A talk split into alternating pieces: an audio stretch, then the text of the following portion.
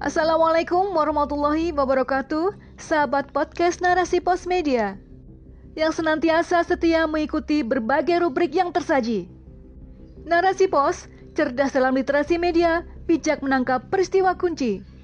Kali ini kita berjumpa di rubrik surat pembaca dengan judul Koalisi Demi Kursi Akibat Sistem Politik Demokrasi oleh Nina Marlina AMD.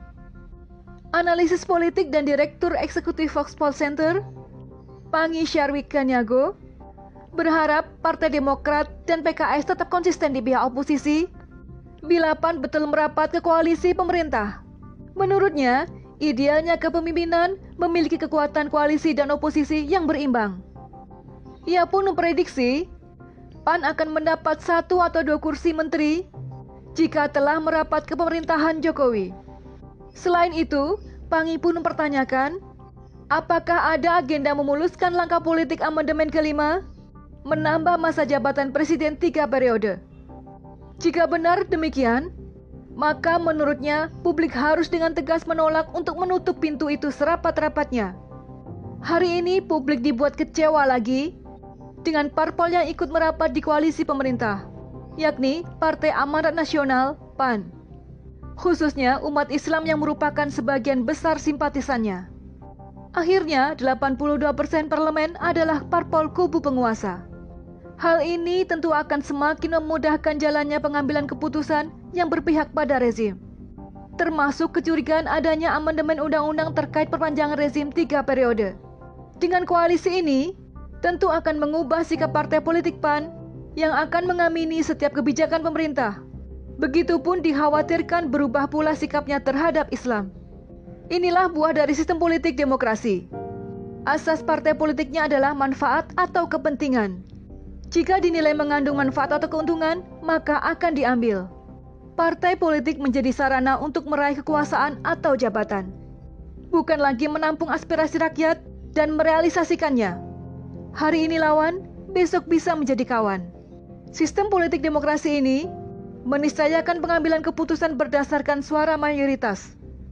Tak peduli halal haram, tak peduli jika harus mengorbankan rakyat. Yang ada bagaimana caranya menguntungkan mereka dan melanggengkan kekuasaan. Selain itu, sistem ini berbiaya mahal. Naiknya mereka di kursi kekuasaan tak terlepas dari dukungan para pemilik modal. Alhasil ketika menjabat, para kapitalis ini menyetir dalam pembuatan kebijakan atau undang-undang undang-undang atau peraturan akan mudah untuk dibuat sesuai pesanan. Tak terhitung banyaknya undang-undang yang telah digolkan demi kepentingan segelintir orang. Slogan demokrasi dari rakyat, oleh rakyat, dan untuk rakyat tak berlaku lagi. Rakyat hanya diperlukan suaranya saat pemilu. Setelah itu, dilupakan. Sementara dalam Islam, asas partai politik adalah akidah Islam. Fungsinya sebagai partai dakwah yang senantiasa melakukan amar makruf nahi mungkar di tengah umat. Selain itu, menasihati dan mengoreksi penguasa jika menyimpang dari syariat.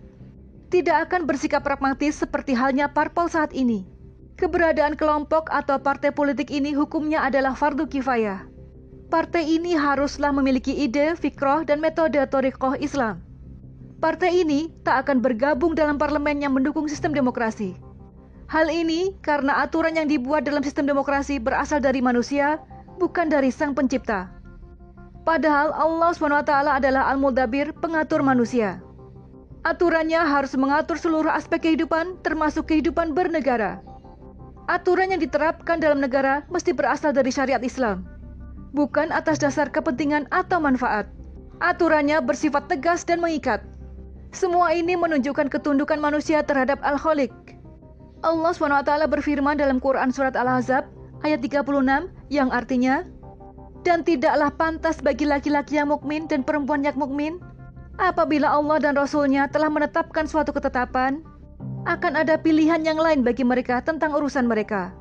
Dan barang siapa mendurhakai Allah dan Rasul-Nya, maka sungguh dia telah tersesat dengan kesesatan yang nyata. Selain itu, Allah SWT mengatakan bahwa orang yang tidak memutuskan perkara menurut apa yang diturunkan Allah, maka mereka termasuk orang kafir, zalim, dan fasik. Quran Surat Al-Ma'idah ayat 44, 45, dan 47. Maka dari itu, keberadaan parpol Islam yang ideologis ini sangat diperlukan umat. Partai ini memiliki tujuan melangsungkan kehidupan Islam serta mewujudkan penerapan syariat Islam secara kafah dalam negara. Wallahu alam.